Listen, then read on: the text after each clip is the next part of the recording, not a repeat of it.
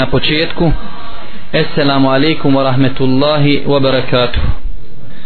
Kao što je najavljeno cijenna braćo i poštovane sestre za one koji slušaju preko interneta ovo je nastavak predavanja odnosno serijala predavanja savjeti klanjačima. Ili ako smijemo malo grublje kazati greške klanjača. Pa kao što znate mi smo imali jedno predavanje koje je bilo na temu mjesto namaza u islamu? Nakon toga smo imali predavanje propisi boravka u mesčidu prvi dio i ovo je naše drugo predavanje propisi boravka u mesčidu drugi dio.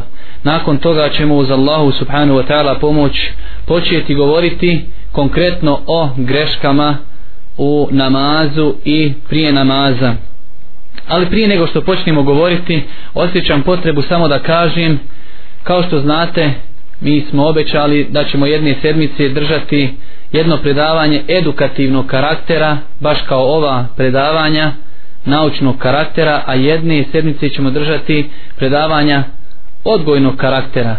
Tako ove sedmice na red došlo predavanje nekog edukativnog karaktera ali prije nego što počnemo govoriti želim da kažem da treba da znamo da su ovo predavanja iz islamskog prava fika i tako ovaj želio bih samo da spomenim to da se u ovim našim predavanjima nećemo držati jednog određenog mezheba naš cilj je traganje za istinom sa slijedženjem dokaza.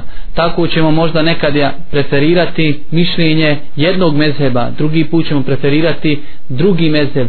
Sve u želji da slijedimo istinu odnosno na osnovu argumenata. I svaki put kada spomenimo neko mišljenje trudit ćemo se da spomenimo ko zastupa to mišljenje i sigurno ćemo pokušati za, svako, za svaki taj stav da donesemo neke od argumenata. Sigurno će se dešavati da nekada spominimo neke stvari koje su u praksi kod nas nešto suprotno tako da ne bi ovaj nekome to bila neka smutnja ili ovaj fitna tako da znamo da u ovim našim predavanjima znači nećemo se pridržavati jednog određenog mezheba nakon što smo spomenuli na prvom predavanju mnoge propise boravka u mesčidu sjećate se da smo spominjali propisi sutrije, propisi odlaska u džamiju boravka u prvom safu i mnogo toga nastavljamo.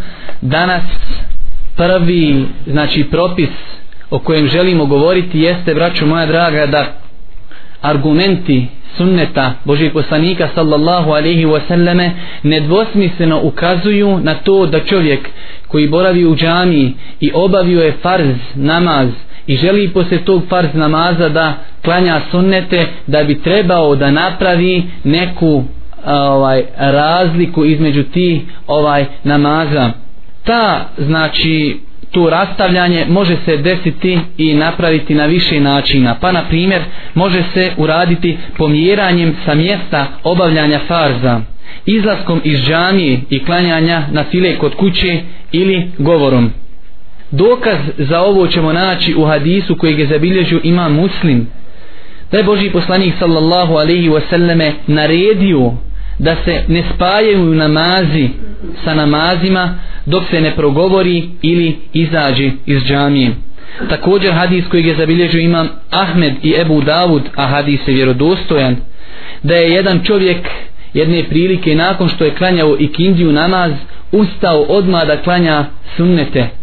Pa mu je Omer ibn Khattab kazao zaista su sljedbenici knjige uništeni samo zbog toga zato što nisu rastavljali farze od sunneta pa je Boži poslanik sallallahu alaihi wasallam kazao dobro je postupio postupio Ibnu Khattab. Što se tiče ovog propisa braćo moja draga on je općeg karaktera i obuhvata obuhvata imama obuhvata džematlije, obuhvata muškarce, obuhvata lju, ovaj, žene, obuhvata pojedince i obuhvata džematlije. Kao što smo, kao što smo rekli, to znači odvajanje farza od sunneta može biti na jedan od sljedećih načina. Može biti govorom može biti zikrom, može biti pomjeranjem sa mjesta na kojem je obavljen farz i može biti izlaskom iz džamije. Najbolji od svih ovih načina jeste izlazak iz džamije i obavljanje na file kod kući. U hadisu koji je zabilježio Buharija i Muslim od Zaid ibn Sabita radijallahu ta'ala anhu da je Boži poslanik sallallahu alaihi wa sallam kazao o ljudi klanjajte u kućama. Zaista je najbolji namaz čovjekov namaz u kući osim propisanih namaza. Ovdje pod propisanim namazima misli se obavljanje farza. Znači najbolji namaz čovjekov je da klanja kod kuće osim da klanja farze u mesčidu, u džematu neki islamski učenjaci pokušavaju da dokuće šta je mudrost toga pa kažu kako bi čovjek rastavio obavezne namaze od neobavezni ili jedna druga korist a to je kako bi čovjek obavljao ibadete na što više različitih mjesta kako bi inša time stekao što više nagrade i sevapa. Drugi od propisa koji želimo noća spomenuti koji je vezan za čovjekov boravak u mesčidu jeste to kada čovjek uđe u džamiju i zatekne imama da je predao selam. Taj čovjek može biti jedan od dvojici ili da je zatekao nekoga ko je ustao da naklanjava nešto od namaza ili da ne zatekne nikoga. Ako je zatekao nekog od džematlija da je ustao da naklanjava nešto od namaza šta će čovjek uraditi? Staće kraj tog čovjeka i njih dvojica će biti džemat. Postavlja se pitanje pa zar je dozvoljeno da taj čovjek bude imam njemu jer on kao što ima neka olema kaže nije na početku svog namaza namjeravao da će biti imam. Jer imate uleme koja kaže čovjek ako će biti imam mora na početku namaza da zanijeti znači u svom srcu da je on imam. Ali ovaj argumenti hadisi Božijeg poslanika sallallahu alihi wa sallam nam ukazuju nešto drugom. Pa tako naći ćemo u hadisu koji su zabilježili Buharija i Muslim od Abdullaha ibn Abbasa radijallahu ta'ala anhuma kaže noćio sam jedne noći kod svoje tetke majmune.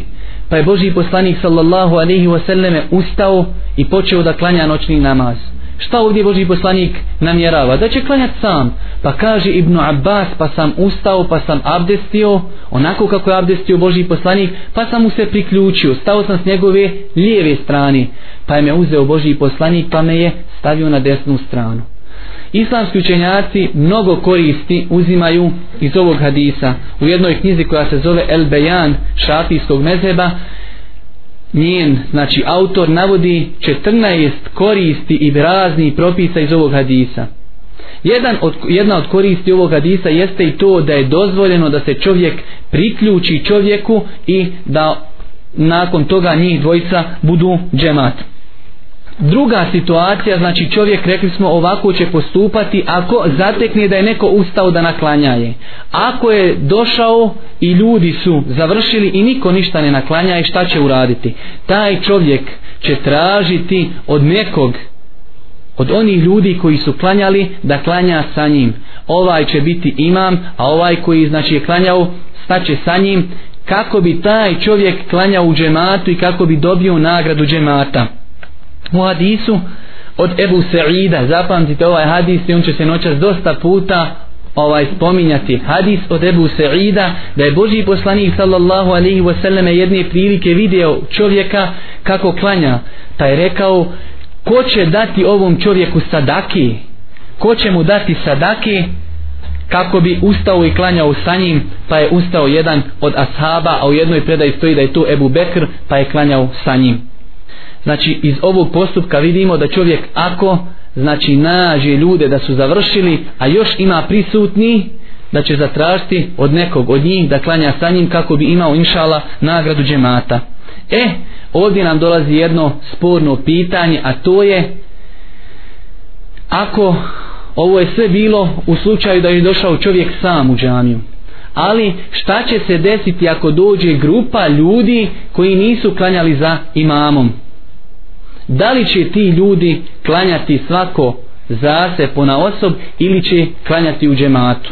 Normalno kod nas je praksa da se klanja u džematu ako su ljudi okasnili. Ali prije nego što počnemo govoriti o ovom pitanju kao što bi to Arapi kazali nuharriru mahalla niza da kažemo da vidimo oko čega se tu islamski učenjaci po ovom pitanju razilazi. Prva stvar ova situacija da se desi u nekom mesčidu gdje nema imama kao što je de, slučaj u nekim mesčidima koji su izgrađeni kraj puta to može se dosta puta vidjeti kada se ide na hađ. Imate mesčide koji nemaju svog imama i tu ljudi staju i klanjaju kako god ko dođe klanja. U takvom znači nema razilaženja kod uleme da u takvim mesčidima je dozvoljeno više puta klanjati jedan namaz. Znači svaka grupa kada dođe klanja znači u takvim mesčidima gdje nema imama određenog dozvoljeno je ponoviti jedan džemat ovaj jedan namaz kroz više džemata. Također, islamski učenjaci se ne razilaze da nije dozvoljeno u jednom mesčidu u isto vrijeme da klanjaju dva džemata. Također, znači, o tom pitanju ne govorimo. Također, ne govorimo o tome da čovjek uđe sam i zatraži od nekoga da klanja sa njim kao što je hadis Ebu Seida. Već govorimo o tome. Ako nakon što imam preda selam, uđe u mesčit grupa ljudi da li će klanjati u džematu ili će klanjati svako pona osob na prvom redu spomenut ćemo da ima velik broj islamskih učenjaka koji zabranjuju to da klanjaju takvi ljudi u džematu već preferiraju mišljenje da su obavezni da klanjaju pona osob svako za sebe. Ovog mišljenja je također jedan veliki učenjak današnjice Hasan Mešhur jedan od najvećih učenika šeha Mohameda Nasrudina Albanija koji je napisao jednu veliku knjigu koja se zove Kaulu Mubin Fjahtajl Musallin znači knjiga u kojoj je obradio greške klanjača i on u toj knjizi kada govori o ovom pitanju preferira to mišljenje i spominje da je to bio stav Sufjana Eseurija Ibnu Mubareka imama Malika imama Šafije imama Ebu Hanife Euzaija zahirijske pravne škole Hasana el Basrija i još nekih drugih islamskih učenjaka. Također imamo drugu grupu učenjaka koji su to dozvolili. Na čelu tih islamskih učenjaka je Ibn Mes'ud Ata Katade Ishak Davud Zahiri Ibn Hazm Ibn Munzir i Ahmed Ibn Hanbel kada pogledamo u dokaze nemamo vremena ovdje da iznosimo dokaze ali Allah najbolje zna jače je mišljenje da je dozvoljeno takvim ljudima da klanjaju u džematu zbog hadisa Ebu Sa'ida koji smo malo prije citirali znači u ovom hadisu vidimo da je Boži poslanik potvrdio i dozvolio da se klanja po drugi put jedan te isti namaz u džematu Znači, ovo je mišljenje koje mi preferiramo na osnovu ovog hadisa, a svako ima pravo da zastupa nešto drugom. Također kada govorimo o ovom pitanju dolazi nam jedno drugo pitanje koje je usko vezano za ovo pitanje i dosta puta ljudi postavljaju pitanja vezana za tu tematiku a to je da li je uslov za ispravnost namaza u džematu da imam i muktedije ili džematlije nije te jedan te isti namaz? Da li je to uslov? Naći ćemo znači da tu možemo imati četiri situacije. Da i imam i džematlije klanjaju farze. Da imam i džematlije klanjaju na filu. Da imam klanja farze a džematlije klanjaju na filu i suprotno tome da imam klanja na filu a da onaj koji za njega klanja farze općenito govoreći sve četiri ove situacije su dozvoljene. Što se tiče da imam klanja farze a džematlija farze to je znači normalna stvar. Da klanja imam na filu i ovi ostali za njim da klanjaju na filu to je također poznata stvar. Dokaz za to je hadis Abdullaha Ibnu Abbasa kojeg smo malo prije spomenuli. Boži poslanik je klanjao na filu Abdullah ibn Abbas je sa njim klanjao u džematu na filu. Ali nam ostaje situacija kada imam klanja farze a za njim džematlije klanjaju na filu. Ovo je također dozvoljeno po jednoglasnom stavu islamskih učenjaka. I ostaje nam četvrta situacija, a to je kada džematlije klanjaju farze, a imam klanja na filu. Po ovom pitanju islamski učenjaci su se razišli ispravno mišljenje a Allah najbolje zna je da je dozvoljeno to da imam klanja na filu a džematlije iza njega klanjaju farze. To se može desiti u situaciji da kada dođemo za Ramazan imam klanja teraviju a mi nismo klanjali jaciju. Da li je dozvoljeno nama koji nismo klanjali jaciju da stanemo iza imama koji klanja teraviju a to je njemu na fila? Po ispravnije mišljenju islamskih učenjaka to je dozvoljeno. Dokaz za to je u hadisu kojeg je zabilježio također Buharija i Muslim od Muaza radijallahu ta'ala anhu da je običavao da klanja sa Božim poslanikom jaciju. To je znači njemu bilo farz da klanja farze sa Božim poslanikom. Nakon toga bi odlazio u svoje, u svoje plene i kao imam bi klanjao njima jaciju. I u jednoj predaji stoji to je njemu bila na fila a oni su klanjali farze. Na osnovu ovog dokaza i ovog hadisa islamski učenjaci zaključuju da je dozvoljeno da imam klanja na filu a da džematlije za njim ovaj namjeravaju i da klanjaju farze. Ovog stava su bili spomenut ćemo samo neke islamske autoritete imam Ahmed, imam Šafja Ata, Tavus, Euzai Ebu Seur Ibnu El Munzir Davud Ez Zahiri, ibn Tejnije, ibn Kudame i to je stav stalne komisije za fetve u Saudijskoj Arabiji. E ovdje nam ostaje odgovor kako odgovoriti onoj ulemi na njihov argument oni koji to ne dozvoljavaju također donose argument iz Buhari i muslima da je Boži poslanik sallallahu alaihi wa sallam kazao innama juila al imamu li yu'tamma bihi fe la tahtalifu alaihi zaista je imam postavljen da se slijedi i nemojte se razlikovati od imama. Oni kažu ova riječ razlikovati pod, podrazumijeva i dijela i nijete ali je ispravno da ovaj hadis se odnosi samo na to da se ne razlikujemo od imama u dijelima što znači kada on ide na ruku da mi idemo na ruku da ga ne pretičemo da ne kasnimo o čemu će biti nakon malo ovaj vremena inšala govora. Znači da rezimir, rezimiramo po ispravnijem mišljenju islamskih učenjaka dozvoljeno je da imam namjerava da klanja na filu, a da ljudi iza njega klanjaju farze. Također ova situacija se dosta puta ponavlja kada ljudi putuju pa nisu klanjali podne namaza dolazi u džema gdje se klanja i kindija. Takvim ljudima je dozvoljeno da pristupe za imamom da klanjaju podne, a on klanja znači ovaj ikindiju nakon što završi on će klanjati ikindijum također ovdje treba spomenuti jednu stvar kada govorimo o musafirima a to je propis koji moramo znati a to je čovjek ako je musafir a poznato da čovjek kada je musafir klanja dva rekiata oni namaze koji su četvero rekrat, rekatni. Šta će uraditi kada dođe u džamiju u kojoj imam klanja četiri rekiata? Znači obavezan je u toj situaciji da klanja četiri rekiata, makar on bio i musafir. Ali ostaje nam jedno drugo pitanje. Zamislite čovjek dolazi na podni namaz i on je musafir. Ali džemat je već klanjao dva rekiata i njemu je ostalo dva rekiata tamam znači poklapa se njegova dva rekiata dva rekiata za imamom to bi bilo dovoljno. Da li je dozvoljeno tom čovjeku da nakon što imam preda selam preda selam ili će ovaj morati naklanjati dva rekiata? Prenešena je fetva od Abdullaha ibn Umera radijallahu ta'ala anhu sahih znači predaja da je on davao fetu da taj čovjek mora klanjati četiri rekiata.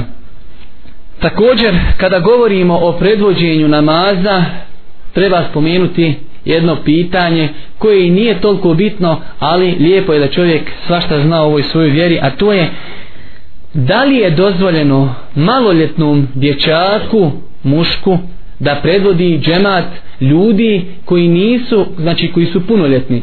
Znači nema smetnje da dječak bude ovaj imam dječacima, ali da li je dozvoljeno da dječak bude imam džematlijama koji su punoljetni? Po ispravnije mišljenju. Kada god kažemo po ispravnije mišljenju, znači postoji više mišljenja. Ima mišljenja da to nije dozvoljeno dječaku osim u nafili, zato što je na dječaku taj namaz na fila. Ali ispravno mišljenje je da je dozvoljeno dječaku da predvodi džemat, on je znači maloljetan da predvodi džemat koji je čiji su džematlije punoljetne pod uslovom da je on najučevniji od njih ha, ovaj argument zato ćemo naći u hadisu kojeg je zabilježi imam Buharija od Amr ibn Selemi el Džurmija znači ovaj dječak je predvodio svoje znači komšije, ljude iz svog plemena imao je samo šest ili sedam godina. Prenosi su hadis, znači kaže kada je nastupilo namasko vrijeme pogledali su pa su vidjeli da je on najučerniji kod njih pa su ga onda stavili da klanja i on ih je predvodio u namazu.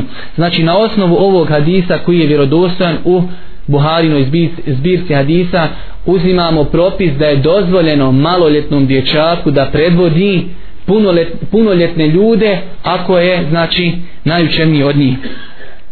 Ali ovdje postoji jedno znači isto ovaj pitanje na koje treba odgovoriti a to je ulema koja zabranjuje to dolazi sa dokazom sa hadisom od Ali radijallahu ta'ala anhu da je Boži poslanik sallallahu alaihi wa sallam kazao neka vas ne predvode vaša djeca u namazu. Ali odgovor je da je ovaj hadis slab kao što je to rekao velik broj islamskih muhaddisa a jedan od njih je Ibnu Abdul Hadi je kazao da ovaj hadis nema nikakve potpore u vjerodostojnim hadisima.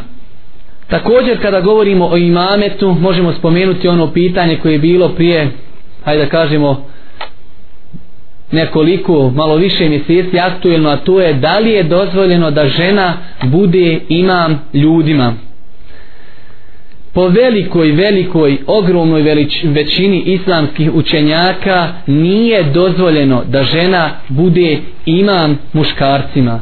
I to, znači ova velika većina islamskih učenjaka argumentuje sa mnogim dokazima. Neki od njih su to da su za žene najbolji zadnji safovi, a za muškarce najbolji prvi. Pa kako žena da bude imam kad je za nju najbolji zadnji saf? Također hadis koji je vjerodostojen od Ebu dekreta radijallahu ta'ala anhu da je Boži poslanik sallallahu alaihi wa sallam kazao neće uspjeti narod koji predvodi žena. Ali ovdje ne treba shvatiti općenito znači ženi je dozvoljeno da bude imam ženama ali ženi nije dozvoljeno da bude imam muškarcima. Da je dozvoljeno ženi da bude imam ženama postoje mnoge predaje od žena Božijeg poslanika. Jedna od tih predaja je vjerodostojna predaja da Aisha radijallahu ta'ala anha predvodila žene u džematu. Također poznati hadis da je Božiji poslanik sallallahu alaihi ve selleme jednoj ashabi koja se zvala Umu Varaka dozvolio da predvodi svoju porodicu znači u džematu tako da ne bi neko pomiješao ovaj ova dva pitanja. Ženi nije dozvoljeno da predvodi ljude u džematu ali je ženi dozvoljeno da predvodi žene u džematu. Također kada govorimo o imametu i predvođenju ljudi postavlja se jedno pitanje a ovo pitanje važi i za pojedince koje dosta puta ljudi pitaju a to je ako se desi čovjeku da klanja i nakon obavljenog namaza svati da je imao na svome tijelu nečistoći. Da li je njegov namaz ispravan ili nije? Namaz je ispravan bez razlike da li čovjek znao za tu prljavštinu i neđase prije namaza pa to zaboravio ili nije uopšte znao dok nije završio svoj namaz dokaz za to je poznati vjerodostojni hadis da je Boži poslanik sallallahu alaihi wasallam jedne prilike klanjao ashabima pa je u toku namaza skinuo svoje papuče ili nanule ili šta je već imao pa su i ashabi vidjeli da je on to uradio pa su i oni uradili isto to. Pa kada je završio Boži poslanik sallallahu alaihi wa sallam upitao ih zašto ste to uradili? Pa kažu vidjeli smo da si ti uradio pa smo i mi to uradili. Kaže Boži poslanik sallallahu alaihi wa sallam Džibril mi je došao u toku namaza i obavijestio me da imam na svojoj obući neđaseta, nečistoće, pa sam to odstranio. Znači kako argumentujemo ovim hadisem, to je da vidimo da Boži poslanik nije obnovio namaz, već je nastavio, što ukazuje da čovjek ako nije znao za neđaset i tako završio namaz, da će njegov namaz inšala biti ispravan. Ovdje se također postavlja jedno malo veće pitanje, a to je također pitanje koje dosta puta ljudi postavljaju, a to je ako čovjek klanja kao imam džematlijama zaboraveći da nema abdest ili eventualno da je taj čovjek džunup, da se nije okupao. Šta će uraditi džematlije, šta će uraditi imam? Po ispravnije mišljenju što znači ima i drugo mišljenje namaz džematlija je ispravan ako nisu znali za to. Ako su znali za to i njihov je namaz pokvaren. Ali ako nisu znali da on nema abdesta ili eventualno da je džunup njihov namaz je ispravan s tim da je on obavezan da se okupa ili da uzme abdest i da ponovi taj isti namaz o ovome su prenešene vjerodostojne fetve i postupci od Ebu Bekra, od Omera, od Osmana i od Abdullaha ibn Omera. Odnosno ne od Ebu Bekra, od Omera, Osmana, od eh, kako se zove Alije radijallahu ta'ala anhu i Ibn Omera. Četvorice ashaba prenosi se da su davali ovakve fetve ovaj za svoga života. Također jedno bitno pitanje i svaki čovjek musliman trebao bi da poznaje te propise jeste obaveznost slijeđenja imama kada je u pitanju obavljanje namaza u džematu. A šta nam to znači? Dosta puta ćemo vidjeti da ljudi nekada, alaikum se nam, pretiču imama. Nekada ćemo vidjeti opet ljude da kasni.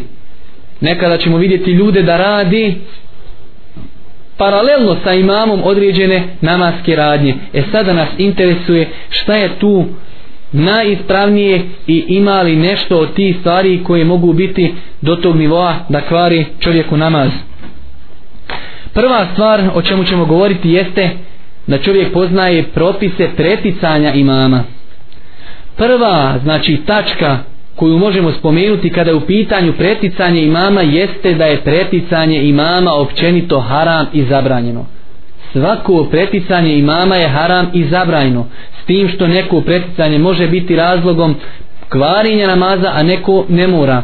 Ali općenito, znači to je haram i zabranju neki čak navodi da je to od velikih grijeha zbog hadisa koji je u Buhari i Muslimu da je Boži poslanik sallallahu alaihi wasallame kazao zar se ne boji onaj ko podigne glavu prije imama da mu Allah neće promijeniti, promijenuti glavu u magarećiju glavu ili promijenuti njegov izgled u magarećiji izgled? To što se tiče općenitosti preticanja. Sada govorimo o preticanju kada je u pitanju donošenje početnog tekbira. Ako čovjek pretekne imama kada je u pitanju donošenje početnog tekbira, njegov namaz je pokvaren. Jer, znači, uopšte on, da kažemo, što kaže Omer radijallahu ta'ala anhu, kada je vidio jednog čovjeka kako pretiče imama, kaže, nisi klanju sam, nisi klanju za imamom. Ovaj čovjek uopšte, znači, nije počeo da slijedi ovog imama, jer je on donio početni tekbir prije njega. Također, i ove neke druge radnje u, u namazu ako bi čovjek namjerno pretekao imama namjerno, kažemo namjerno ako bi čovjek namjerno pretekao u svakoj drugoj radnji njegov namaz je pokvaren. Dobro, nakon toga nam dolazi da govorimo o paralelnom rađenju dijela sa imamom. Znači da čovjek uradi neko dijelo zajedno sa imamom. Ovo znači ova vrsta dijela može se podijeliti u dva dijela. Da nešto čovjek uradi od govora zajedno sa imamom i da uradi nešto od dijela zajedno sa imamom. Što se tiče govora, on može biti znači problematičan u dvije situacije. Kada je u pitanju izgovaranje početnog tekbira također nije dozvoljeno da čovjek izgovara početni tekbir zajedno sa imamom. Već je obaveza da čovjek sačeka da imam završi početni tekbir nakon toga da donese. I druga stvar kada je u pitanju govor i rađenje paralelno neki radnje govorni sa imamom jeste da čovjek da je pokuđeno da je pokuđeno da čovjek zajedno sa imamom preda selam. Ako bi čovjek sačekao da imam preda selam na desnu stranu, a zatim i on predao na desnu stranu, pa imam na lijevu stranu i on na lijevu stranu, to je ispravno. Ali je bolje da čovjek sačeka da imam preda selam na desnu i na lijevu stranu, a zatim da on preda selam na desnu i na lijevu stranu. Ali rekli smo rezime, ako uradi to zajedno sa imamom to je pokuđeno ako uradi to nakon što je imam predao selam na jednu stranu pa on to uradi to je inšala ispravno. Ali je bolje sačekati da imam preda selam na obje strane. A što se tiče ostali stvari govorni nema smetnje znači da čovjek nešto uradi zajedno s imamom čak i neke stvari da pretekne imama. Ako bi mi na primjer čujemo na ozvučenja da imam tek je poče učiti tehijatu, a mi znamo ono što mi učimo da smo ga pretekli. Inšala te stvari ne smetaju ako ju uradimo ili paralelno sa imamom ili ako ga preteknemo to inšala nema smetnje a što se tiče rađenja nekih radnji znači ovo smo govorili o govoru ali ako su neke radnje ako bi čovjek radio zajedno sa imamom to je suprotno sunnetu suprotno sunnetu i čovjek bi trebao da to ostavi jer mnogi su hadisi koji su zabilježeni u najvjerodostojnijim zbirkama hadisa kao što je Buhari i Muslim gdje se stoji gdje stoji kada imam učini ruku pa i vi uradite što ukazuje da čovjek ako želi ispravno da postupa u namazu treba da slijedi imama a ne da radi sa njim zajedno. Također od ovih stvari bitna stvar jeste kašnjenje za imamom. Ovo je dosta puta primjetno kod mnogih klanjača. Kao što je nažalost primjetno i da pretiču ljudi imama primjetno je da ljudi i kasne kada je u pitanju slijedženje imama. Kada je u pitanju kašnjenje za imamom možemo ga također podijeliti na dvije vrste. Može biti kašnjenje za imamom iz opravdanog razloga šta je opravdan razlog da se čovjek zamisli? Imam odiđe na ruku on to jednostavno ne rezenuje zaboravio isključio se. Ili ako je neko u nekoj većoj džani ozvučenja da prestanu raditi čovjek ne čuje imama nakon malo vremena dođe struja ili nešto tako iz takvih opravdanih razloga znači čovjek nije griješan i dovoljno je inšala da, da se priključi za imamom da nastavi. Osim u slučaju da je imam toliko daleko otišao da je došao do istog tog mjesta gdje je on zakasnio. Tada će se on priključiti imamu i nakon što imam preda selam on će taj rekiat znači ustati do naklanjati I sada nam se znači postavlja pitanje ako bi čovjek kasnio bez opravdanog razloga. E to kašnjenje je kritično kašnjenje. To, kri, to kašnjenje možemo također podijeliti u dvije vrste, a to je da čovjek kasni za imamom u granicama jednog rukna. To je na primjer da čovjek imam je bio na seždi i vratio se sa seždi, on malo okasni na toj seždi, ali stigne imama. To je pokuđeno, ali je namaz ispravan. Ali šta je problem ako te imam prestigne za cijeli jedan rukn? Znači ti si još na prvoj seždi, imam je se vratio sa sežde i otišao na drugu seždu. U ovom slučaju islamski učenjaci kažu da je namaz pokvaren. Zato je ovo sigurna stvar koja je primjetna, pogotovo kada su pitanju terazije ili neki ljudi koji hoće da uče malo duže dovu, ostani uči dovu na seždi i imam ode, vrati se sa seždi, ode na drugu seždu, a on se još nije vratio. U ovakvim slučajevima islamski učenjaci kažu da je namaz pokvaren. I na kraju nam ostaje šta je to onda sunnet. Čovjek ne treba da pretiče imama, ne treba da kasni, ne treba da radi sa njim para, paralelno, već treba da ga slijedi. Što znači kada imam učini neku radnju, da čovjek treba odma nakon imama da učini tu istu radnju. Također od stvari koje mogu biti potrebne čovjeku kada je u pitanju poznavanje propisa vezanih za mesčid jeste i to da čovjeku se može desiti to više u arapskom svijetu nego ovdje da klanja određeni namaz kod kuće i dođe u džemat da ljudi još nisu klanjali taj isti namaz. Šta će uraditi osoba koju se to desilo? Čovjek će se priključiti tom džematu i klanja će sa njima i to će biti njemu na fila. Ovdje treba također naglasiti da postoji razilaženje kod islamskih učenjaka kada je u pitanju šta će čovjek urati kada je u pitanju namaz akšam namaz, da li će klanjati sa njima ili neće i ako će klanjati, koliko će klanjati, da li će klanjati tri ili će nakon selama ovaj ustati da naklanja još jedan rekat. Ispravno mišljenje je, inša Allah, ispravno mišljenje da će čovjek ako se zadesi u takvoj situaciji da je klanjao akšam ili u nekoj drugoj džamiji pa je zatekao ljude na nekom drugom mjestu da klanjaju ili klanjao kod kuće pa došao u džamiju zatekao ljude da klanjaju akšam da će im se priključiti i zajedno sa imamom predati selam Zbog čega ovo? Zbog općenitosti hadisa u kojima je Boži poslanik sallallahu alaihi ve selleme naredio da se ovako postupa. Znači Boži poslanik je u više hadisa naredio ashabima da kada se zateknu u ovakvoj situaciji da postupe tako da klanjaju sa džematom gdje su pristigli i da će im to biti na fila i nije nikom od njih pravio razliku između akšama i između ostalih namaza. Jedan od tih hadisa je kaže Boži poslanik sallallahu alaihi wasallame kada klanjate u vašim kućama a zatim dođete u džanju klanjajte sa njima to će vama biti na fila također kada govorimo braću moja draga o imametu znači predvođenju ljudi u džematu treba da znamo da postoji jedno pravilo a to je da čovjek koji je zadužen da obavlja imamsku dužnost on je najpreći da bude predvodnik ljudima. Pa makar neko u džematu bio učevniji od njega. Jer on je tu postavljen kao imam i obavlja dužnost.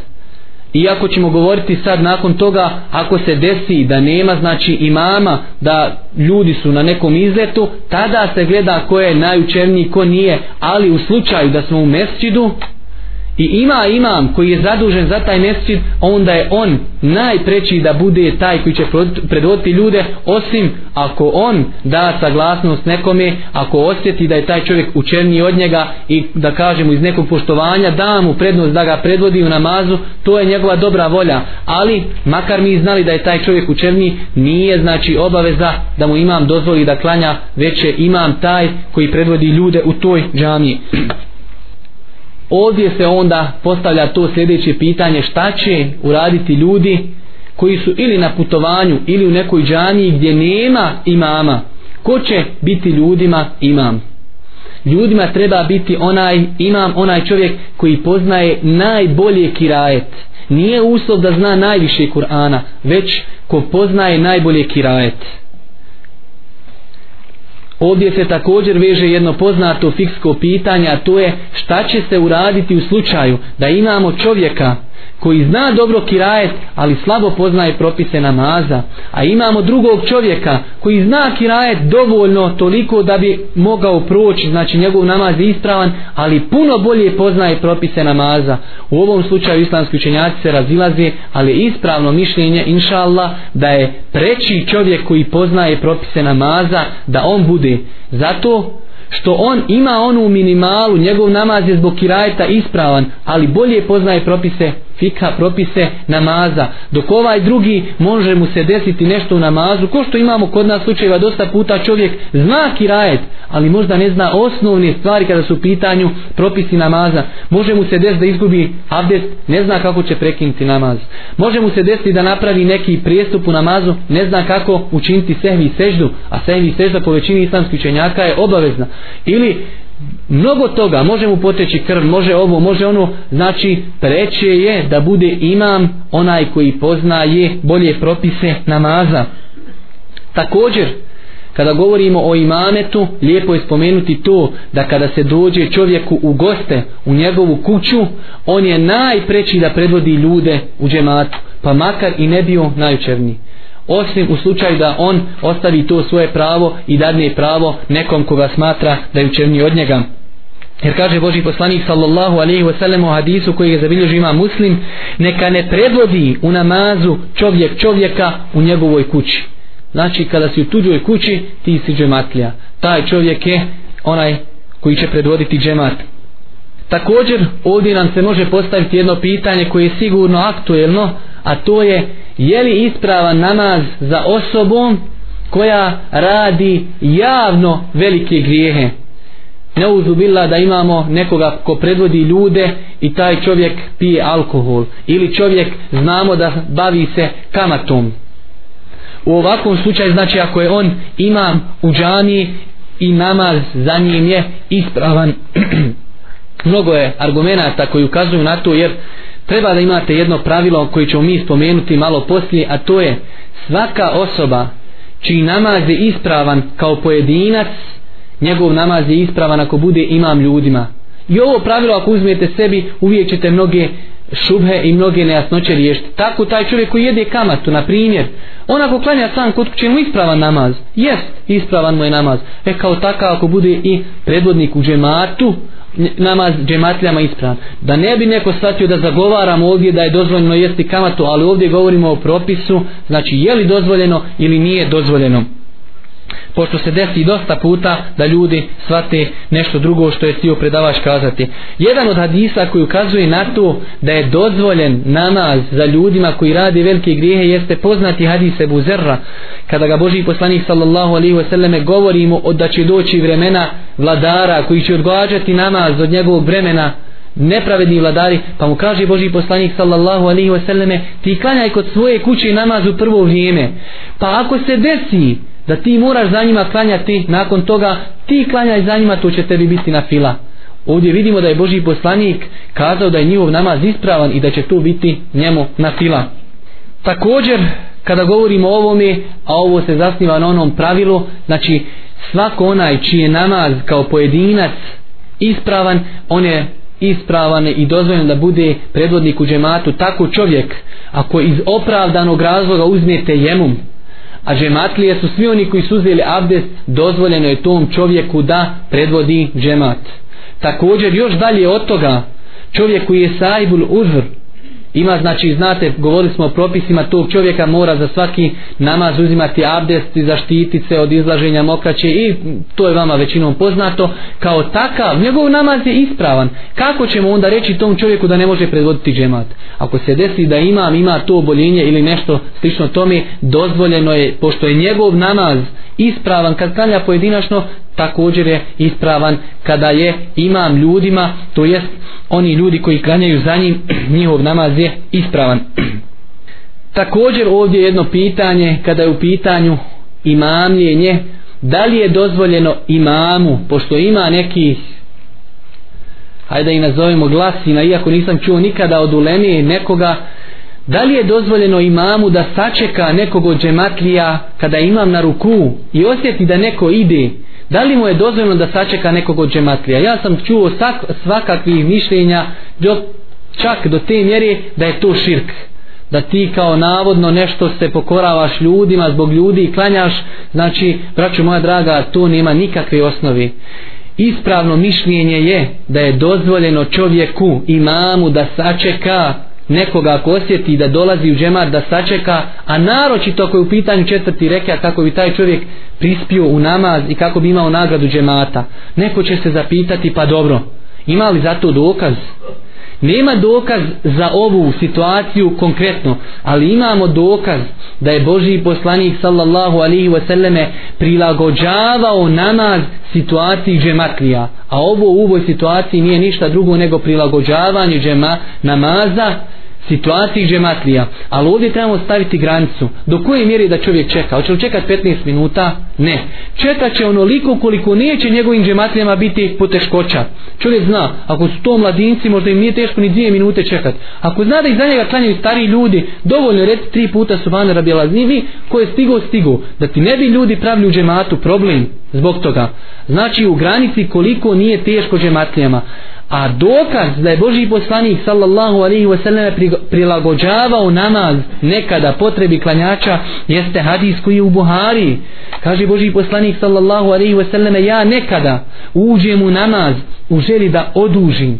Pa kaže čujem plać djeta, Kaže pa ja skratim namaz želeći znači da olakšam toj njegovoj majci. Vidimo da ovdje Boži poslanik prilagođavao nama situaciji njegovih džematlija. Također znači dozvoljeno je čovjeku da sačeka nekoga ko dolazi u džemat.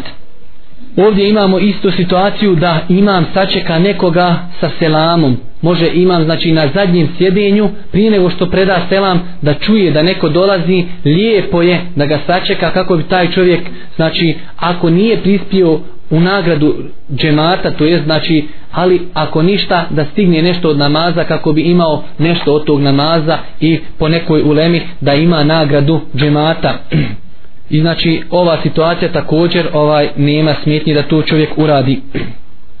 Također od propisa vezanih za boravak u džematu, u mesčidu, jeste i to da nije dozvoljeno po nekoj ulemije mekruh, ali jače mišljenje da nije dozvoljeno čovjeku da zabrani svojoj supruzi odlazak u mesčid da obavi namaz ako nema zato nikakva šerijatska prepreka ako žena zatraži dozvolu od svoga muža da ode da obavi neki od namaza u džami nije dozvoljeno čovjeku da joj to spriječi osim u slučaju kada postoji zato šerijatska prepreka. Kakva može biti šerijatska prepreka?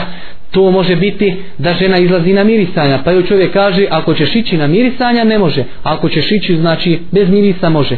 Ili da žena se našminka ili da žena se ne nosi propisno obučena koliko je se stara koje mi nažalost vidimo u namazu da dolaze u suknja hlačama da dolaze u prozirnoj odjeći da dolaze našminkane. U takvim situacijama čovjeku je dozvoljeno da zabrani ženi da odlazi u džamiju da obavi mesči, da obavi namaz u džematu. U suprotno tome znači ako nema nikakva šerijatska prepreka čovjeku je haram nimo je dozvoljeno da zabrani ženi odlazak dokaz za to ćemo naći u hadisu od Abdullaha ibn Umara radijallahu ta'ala anhu kojeg su zabilježili Buharija i Muslim da Boži poslanik sallallahu alaihi wasallam kaže kada nekom od vas žena zatraži dozvolu da ide u džamiju neka joj ne brani Ovdje je Boži poslanik kaže neka joj ne brani. Što znači nije čovjeku dozvoljeno da joj to zabrani. Ali ovdje se također postavlja jedno pitanje šta je bolje ženi da klanja u džamiji ili kod kući. U svakom slučaju ženi je bolje da klanja u njenoj kući pa makar ta žena bila u Medini i mogla da odlazi na namaz u džamiju Božijeg poslanika. Njezni namaz u kući je bolji nego namaz u džematu. znate za to da postoje argumenti da kada ona sahabika upitala Božijeg poslanika pa je kazao tvoj namaz u tvojoj kući je bolji nego namaz u tvojoj sobi pa tako pa namaz u tvojoj kući je bolji nego namaz u, u mesjidu u tvome znači mjestu u tvome džematu pa namaz u tvojoj kući je bolji nego namaz u tom mesjidu je bolji nego u nekom daljem mesjidu što ukazuje znači nedvosmisleno da je namaz ženi u njenoj kući bolji nego namaz u mesjidu u džani Također jedna bitna stvar kada su u pitanju propisi boravka u džami i propisi vezani za mesčid i namaz jeste i to da je osnova da se ljudi i žene ne razlikuju kada su u pitanju propisi namaza. Naći ćemo zaista da neki učenjaci mezheba spominju neke razlike u namazu između muškarca i ženi, ali treba da znamo da nema za takve stvari nemaju argumenata. Jedini argument koji postoji jeste da je Boži poslanik sallallahu alaihi wasallam kazao sallu kema ra'aytu mui usalli. Klanjajte onako kako ste mene vidjeli da klanjam. Što znači ovaj hadis je opće karaktera i on obuhvata i muškarce i žene i nije dozvoljeno iste opće, znači iz tog općeg pravila izvući nešto i kazati žena treba ovdje da se razlikuje od čovjeka, a nemamo za to argument. Zato moramo ostati na ovom općem pravilu, a to je da namaz čovjeka i žene se ne razlikuje niti u jednom segmentu. Što znači Žena će u namazu dizati ruke onako kako i diže čovjek. Žena će vezati ruke onako kako i veže čovjek. Žena će odlaziti na ruku onako kako odlazi čovjek. Žena će biti na seđdi onako kako to čini također čovjek i sve ostale stvari. Jedna razlika koja je spomenuta jeste to da je Boži poslanik sallallahu alaihi wasallame u vjerodostojnom hadisu kazao kada se desi da imam pogriješi način na koji će ljudi ispraviti mama jeste da će izgovarati riječ subhanallah a žene će pljeskati rukama. Ovdje također treba, ovaj hadis je znači zabilježen u Buhari i Muslimu od Ebu Huriri radijallahu ta'ala anhu tesbih je za ljude, a pljeskanje je za žene. Također ovdje treba spomenuti da šerijat nije precizirao način na koji će žena pljeskati rukama. Tako da ne treba pretjerivati i govoriti samo ispravno ovako ili ovako ili ovako. Znači to šerijat nije precizirao i svi ti načini kao što kaže šeh Usejmin svi su dozvoljeni. Također jedna stvar koja je po meni i tekako bitna, a možda ćemo time i završiti ovo naše predavanje, jeste da čovjek poznaje propise kada je u pitanju namaz i pokrijeti u namazu. Koji su to pokrijeti u namazu, normalno nevezani za namaz, koji će pokvariti njegov namaz? Pošto je poznato kod nas i u velikom dijelu islamskog svijeta da tri pokreta u namazu kvari namaz. Znači osnova je da ovo ograničavanje sa tri pokreta nema nikakvog argumenta u šerijatu. Što znači moramo postaviti neke druge granice. Šta su to pokrijeti koji kvare namaz? Da bi namaz bio pokvaren zbog nekog pokrijeta mora pri sebi da ima tri tri osobine. Prva osobina da to bude mnogo što znači ako čovjek uradi neki ovaj pokrit malo da neće biti pokvaren njegov namaz. Druga stvar jeste da taj njegov pokrit bude dugotrajan da ne bude kratak. Ako je kratak također neće pokvariti namaz. I treća stvar jeste da čovjek, znači, nema potrebu za tim. Ako se čovjek mnogo vrti, mnogo se češe i dugo i nema potrebu za tim, ovo znači ove tri situacije bit će mu pokvaren namaz. Ako čovjek ima potrebu za nekim pokretom u namazu kao češanje ili otvoriti nekom je vrata ili nešto slično tome, njegov namaz neće biti pokvaren. I na kraju nam samo ostaje još to da spomenemo kako čovjek da odredi nešto da li je dugo ili nije dugo kada je u pitanju pokriti. Znači islamski učenjaci oko toga se malo razilaze ali je poznato pravilo u šerijatu. Svaka stvar koja nije precizno ograničeno šarijetom da se vraća na običaj ljudi. Tako ćemo kazati da čovjek koji su namazu mnogo vrti toliko kada bi ga neko gledao sa strani i kazao zaista ovaj čovjek nije u namazu, taj čovjek njegov namaz je pokvaren. Dok suprotno tomi, ako bi čovjek se znači manje je vrtio kada bi ga neko gledao sa strane i kazao zaista vidi se da je ovaj čovjek u namazu ali eto ponekada se znači vrti taj čovjek, znači njegov namaz je ispravan. Ja imam ovdje još ovaj dosta to nekog materijala o propisima sehvi i sežde, ali sigurno bi nam trebalo da obradimo propise sehvi i sežde neki 15 minuta, a mislim da je to po licima mnogi, ovaj da je to predugo, pa ćemo to inšala nekad drugi puta. Molimo Allah subhanu wa ta'ala da ono što smo čuli bude dokazom za nas, a ne protiv nas. Molim ga subhanu wa ta'ala da nas poduči propisima ove lijepe, plemenite vjere i molimo ga subhanu wa ta'ala da nas učesti u ovim teškim vremenima i molimo ga subhanu wa ta'ala da nas sastavi u džennetu kao što nas je sastavio ovdje subhanika Allahumma wa bihamdike ešhedu in la ilaha illa ente stakfirike wa tubu